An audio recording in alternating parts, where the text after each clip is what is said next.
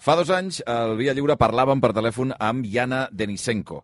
Uh, ella és una metge radiòloga. Aquí la guerra a uh, Ucraïna va enxampar fent guàrdia a un hospital de Kiev, de la capital d'Ucraïna. Eren els primers dies, de fet, de la, de la invasió russa, i la Yana ens explicava que estava esperant que tot es resolgués en poc temps. Jo tenia la meva guàrdia el dijous.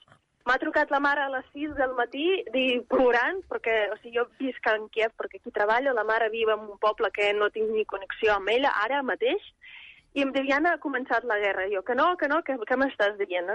I jo, sí, mm, bueno, he anat a, a treballar normal, i mira, des de dijous eh, ja no he marxat a casa. Vull dir, aquí fem el que podem, ens porten menjar, eh, pa, mm, i entre tots aquí ja eh, som com una gran família. Però, disculpa'm, llavors portes quatre dies a l'hospital, treballant, Sí. sense parar. Sí, sí, sí. I tu com estàs? Jo, bueno, jo, jo, de moment, jo estic bé, però mm, amb, amb ganes que tot s'acabi. O sigui, aquest toc de queda que tenim, jo espero que demà el dilluns, a veure si es posen ja d'acord i ja diguin que, que no hi ha guerra. Yana Denisenko, bon dia. Bon dia. T'has emocionat, eh? Sí, sí. Uh, em fa molta il·lusió saludar la Yana perquè fa dos anys que estem en contacte i no ens havíem vist mai encara. Sí, sí, és veritat. Oi que sí? Des d'aquella trucada, doncs fa això pràcticament dos anys que estaves treballant a l'hospital i que escoltaves això que deia. És una frase que dos, amb dos anys de distància és demolidora, eh? perquè deies, tinc moltes ganes que això s'acabi. Sí, sí. I és que, bueno, m'ha emocionat perquè me recordo aquell dia com ara, és que me recordo, o sigui, el dia que era el dijous, i sí, sí, jo tenia el pensament aquest, que, bueno, el divendres ja, ja dic, bueno, és un dia d'aquells, no?, que no arreglaran res, però vinc, dic, bueno, arribarà el dilluns, no?, i, i ja està, hi haurà pau. Recordo una pila de gent escrivint el programa quan va sentir la teva entrevista, perquè, clar, des d'un punt de vista eh, informatiu periodístic, poder parlar en català amb una persona que estava a l'hospital atenent els ferits de la guerra eh, tenia molt interès, no? I molta gent destacava, mira quina enteresa que té, quina energia que desprèn, ara ho sentíem, no?, per la ràdio, quina energia que desprèn i fins i tot un punt de, no sé, d'esperança, no? I això en algun moment va canviar, suposo, perquè en algun moment tu decideixes no em puc quedar aquí, me n'he d'anar i he de, i he de fugir d'aquest país, no? Que és el meu. Sí, va ser una mica perquè, clar, el contacte amb els pares ja des del segon dia vaig perdre. I llavors estava tots els dies a l'hospital, entre companys, i de veritat no teníem mm, aquell sentiment que estàvem cansats o que estàvem agotats, anàvem fent la, la nostra feina, no sabíem ni si era de dia o de nit, però com que jo tenia una família aquí uh, a Granollers que venia quan era petita, s'han posat en contacte amb mi i llavors, clar, jo ja s'explicava que estic aquí a l'hospital, dia al nit, amb els pares no tinc contacte, i llavors ja ells em van plantejant una mica, no? O sigui, i, i què penses fer, no? O sigui, la guerra està continuant, uh, tu no tens els teus familiars, o sigui, què penses fer, no?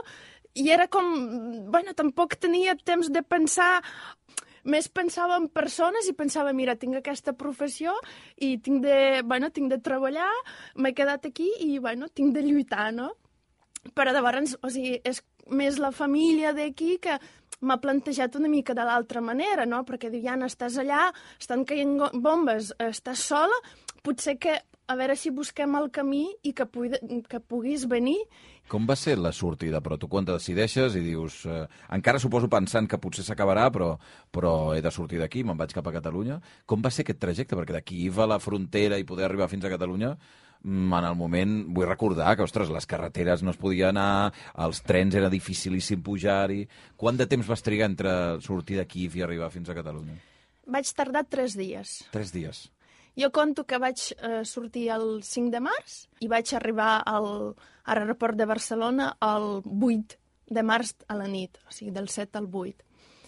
Uh, va ser que ja estava en contacte amb la família uh, de Granollers i també una altra gent de Granollers, la Xoni i l'Eduard, uh, és una gent que han decidit agafar coses, no medicaments, roba, bueno, un, una pila de coses d'ajuda humanitària, han fet tres furgonetes i anaven a portar a, a frontera amb Polònia. Mm. Llavors m'han dit, mira, Iana, el dia 6 estarem, estarem amb la frontera amb, amb, amb Polònia. Mhm. Diu, mira tu d'arribar fins, fins allà a tal dia. I jo, però com ho faré? Bueno, i llavors és quan decideixo d'agafar el tren. Però és el que dius tu, jo vaig anar, perquè clar, hi havia els tocs de queda, Clar, clar. jo el divendres vaig anar, bueno, també era un drama perquè vaig anar a casa, puse la marreta i dic, bueno, què agafo? Què agafes, clar? Sense saber I, bueno, jo temps. que sóc una mica així, que són les meves cosetes, no sé què, no sé quantes. I, bueno, al final, també parlant amb la família, no, agafa tres coses que aquí ja aconseguirem tot el que necessites. Bueno, total, que agafo dos coses, tanco el pis, això era un divendres, me'n vaig a treballar, dic a la directora mèdica de, del meu hospital que l'any demà marxo i a les 8 vaig a l'estació de tren. I vaig estar, vaig agafar el tren a les, a les 5 i alguna de la tarda. D'haver-hi arribat a les 8 del matí? Sí.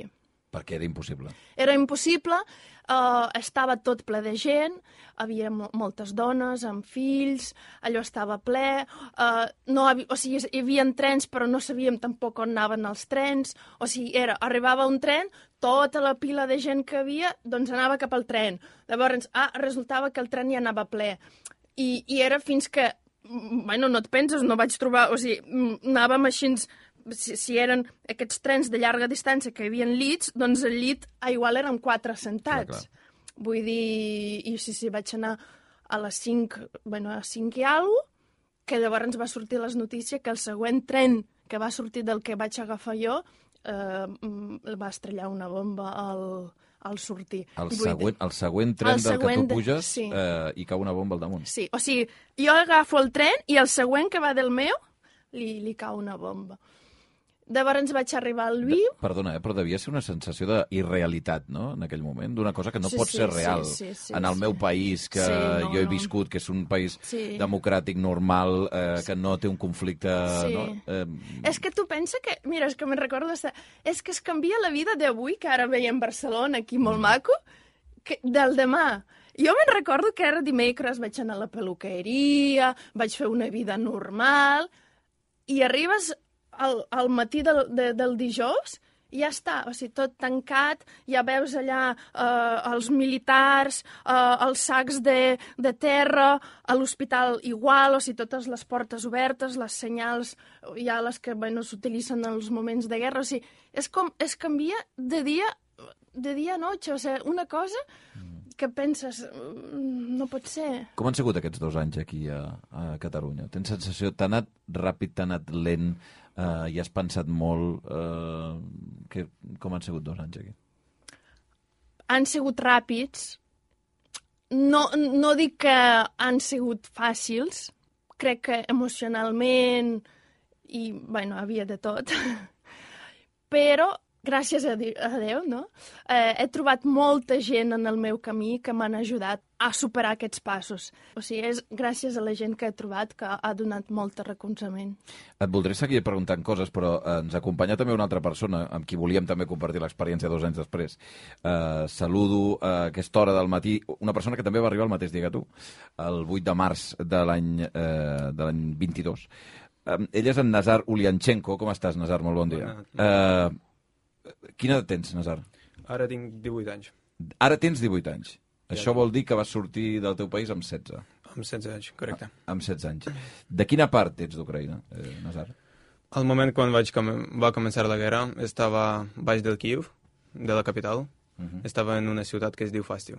Però quan ja vam decidir marxar amb la meva família, vaig anar al poble de la meva mare, perquè estan separats. I ella es viu a la frontera de Moldàvia. Per tant, vaig anar a l'altra regió. Tu marxes sol Correcte, d'Ucraïna, amb 16 anys. sí. Eh, per què? Els teus pares poden sortir, no poden sortir? O decideixes tu marxar? Eh, qui pren la decisió? Era una, una situació molt difícil per a nosaltres tots. Jo crec que era més difícil per a ells que per a mi. Perquè deixar el seu fill a sortir sol del país, Clar que... però sí, el seu desig eh, és ajudar a la gent, són, són metges, Els dos són metges. sí, i van quedar al país perquè és la seva feina i van decidir quedar allí a ajudar a la gent. Mm. Eh, I decideixen que el seu fill ha de sortir d'allà. És que estarien molt preocupats, en cas si jo estaria ahí. Clar, tu, tu ara tens ja 18 anys. Ja tinc 18 anys. Si t'haguessis quedat, ara t'haguessis hagut d'allistar a l'exèrcit, no? Imagino. Mm, és probable. No sé si obligatòriament. Sí, n'hi ha una alta probabilitat. Sí. Mm.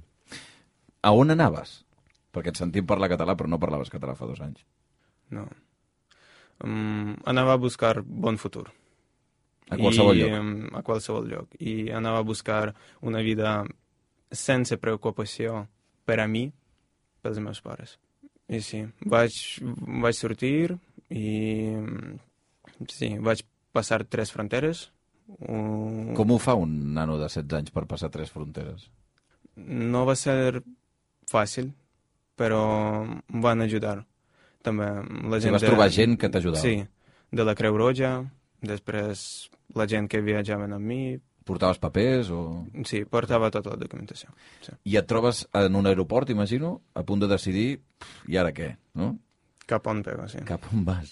I sí, podria triar on vaig i al final vaig decidir anar a Catalunya. És Sí, un-. Perdona, eh? t'he d'imaginar en un aeroport i veient la llista d'avions que surten i dient, bueno, Ja, encara no sabia. eh, què, què fem, no? I, i, I per què tries Barcelona i no un altre lloc? A mi m'agradava Espanya com país perquè jo tenia molta il- il·lusió d'anar a un estiu a passar vacances aquí i després tenia dues oportunitats. Una és anar a Barcelona i l'altra a Madrid. Hi havia dos vols, una a Barcelona i una a sí, Madrid. n'hi havia dos vols. I el uh, més proper era a Barcelona. I tant com portava ja quatre dies sense dutxar-me, sense... No, no volia esperar O més. sigui, és pura casualitat que acabis a Barcelona. Correcte. I sabies alguna cosa de Barcelona? És a dir, sabies que havia quin idioma es parlava, si català, castellà, eh, si t'entendrien... No sé si parlaves anglès en aquell moment tu o què. Després de pagar el vol, ja vaig començar a investigar. Després d'haver comprat el vol, dius, bueno, ara Ja. hauria de saber una mica on vaig. Eh, És no? la temps, sí. I què vas descobrir allà amb aquell, aquella recerca? Vaig descobrir que és una terra meravellosa. I després de vindre aquí, vaig confirmar això. Aterres el 8 de març, no? Sí. Sense conèixer ningú, entenc. Mm. I on vas? Mm, No sabia on anar i vaig anar a mm, una oficina de policia en Barcelona i vaig dir que mm, sobre el meu cas, que no sé, no sé què fer, no m'agradaria dormir fora. En, ang carrer. en anglès dius això, eh? Sí, sí. Ho vas dir... Sí, vaig utilitzar el Google Traductor així, per, per explicar les coses.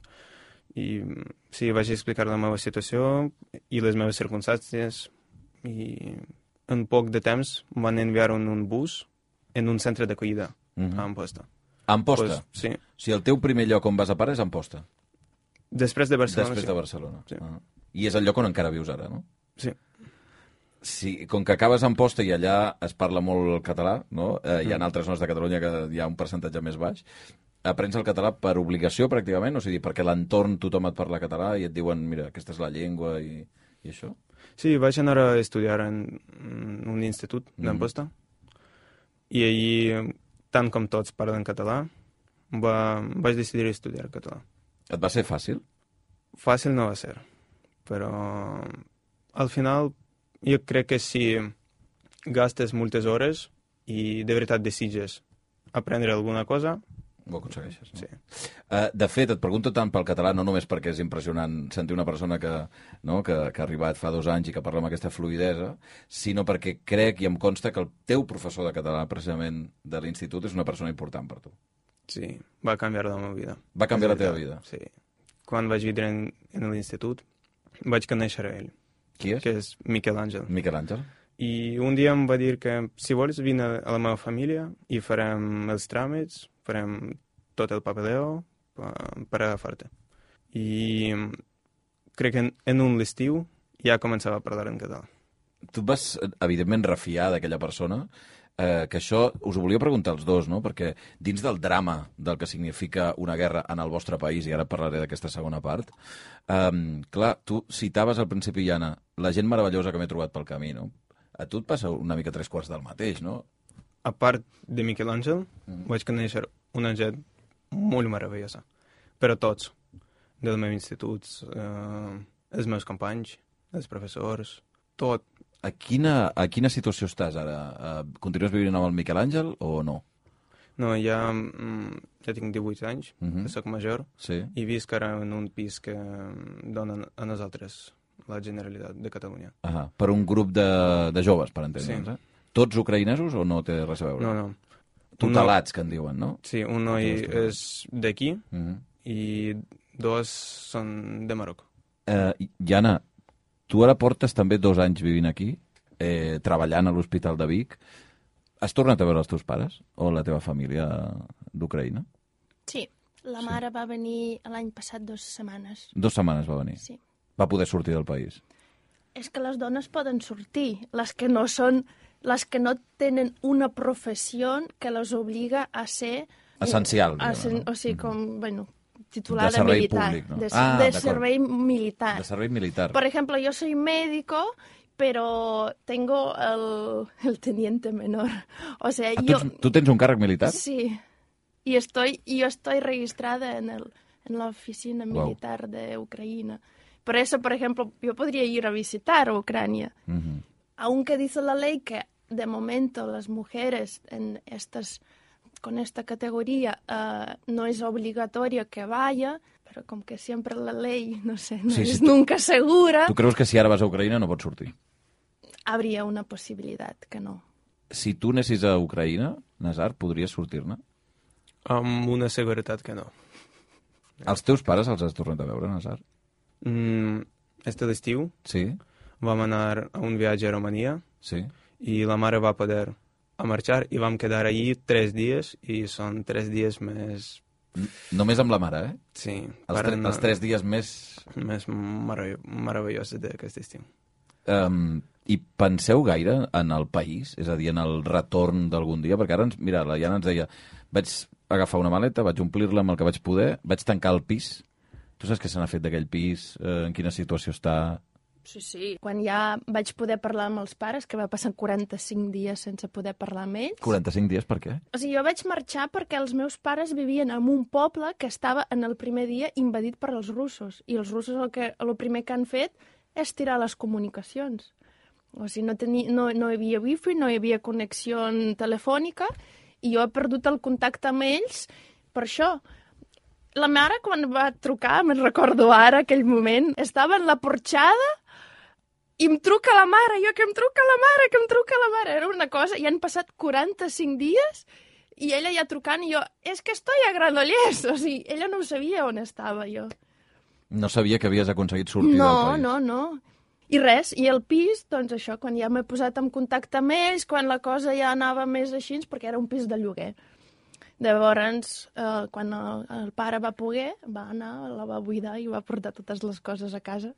Eh, Nazar, em deies al principi que si tu ara anessis a Ucraïna no podries sortir perquè tens edat eh, militar i, per tant, probablement eh, t'allistarien. Entenc que els teus amics de la teva classe, de la teva generació, el, no tots van sortir. No sé si alguns ho van fer, però d'altres es van quedar, no? Sí. Estàs en contacte amb ells? Jo intento estar en contacte en, en els meus amics. La majoria sí que van sortir. I els que es van quedar en quina situació estan?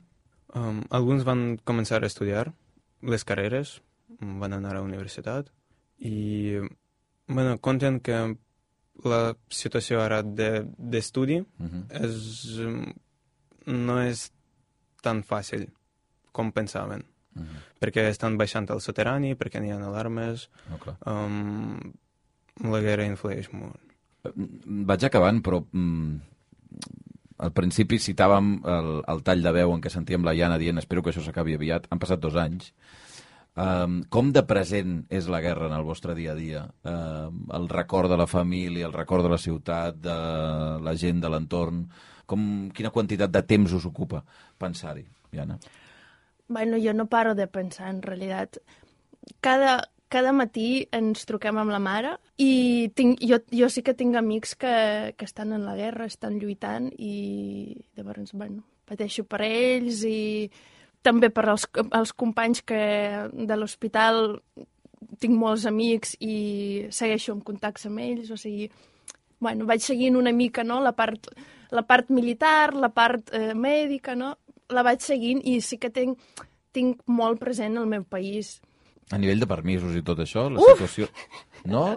És difícil, ara? Perquè se'n va parlar molt de la facilitat per acollir, no? Bueno, en el meu cas, eh, jo estic, estic ara com refugiada, però com que tinc el contracte indefinit de l'Hospital de General de Vic, Sí. jo, i, i- i ara se'ns acaba el dia 4 el permís, jo ja volia canviar per un permís, diguem més estable.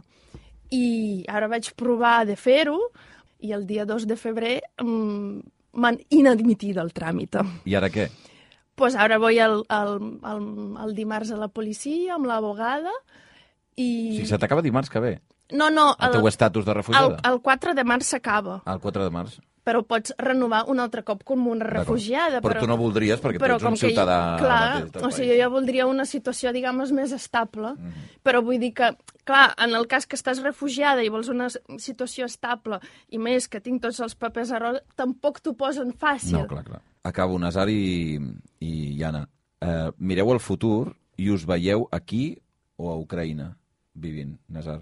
Jo ara estic concentrant-me en la me- meva vida, en els meus estudis, i vull crear-me com una persona forta, estable aquí, per ajudar després la gent allí. Però... Què vols ser tu, mm, per cert? Què estudies? Vull estudiar ADE i després ja veurem. Però el que volia dir, que mm, ara el meu futur lo veig aquí, A Catalunya. a Catalunya. Iana, cu- mires el futur i què veus? Si s'acaba la guerra, tu tornaries immediatament a Ucraïna o no? Jo crec que ara, encara que s'acabés la guerra, el país necessitaria anys per reconstruir-se i per, per posar-se, diguem, a peus, no? Llavors jo, el, diguem, el, el futur pròxim ho veig aquí, però sense poder descartar el que pugui passar. Iana Denisenko, ha estat un gust eh, poder-te saludar en persona després de dos anys. Eh, Nazar Ulianchenko, ha estat un, un plaer, un privilegi. Moltíssimes gràcies per haver-nos acompanyat a tots dos. Moltes avui que fa dos gràcies. anys la guerra. Gràcies.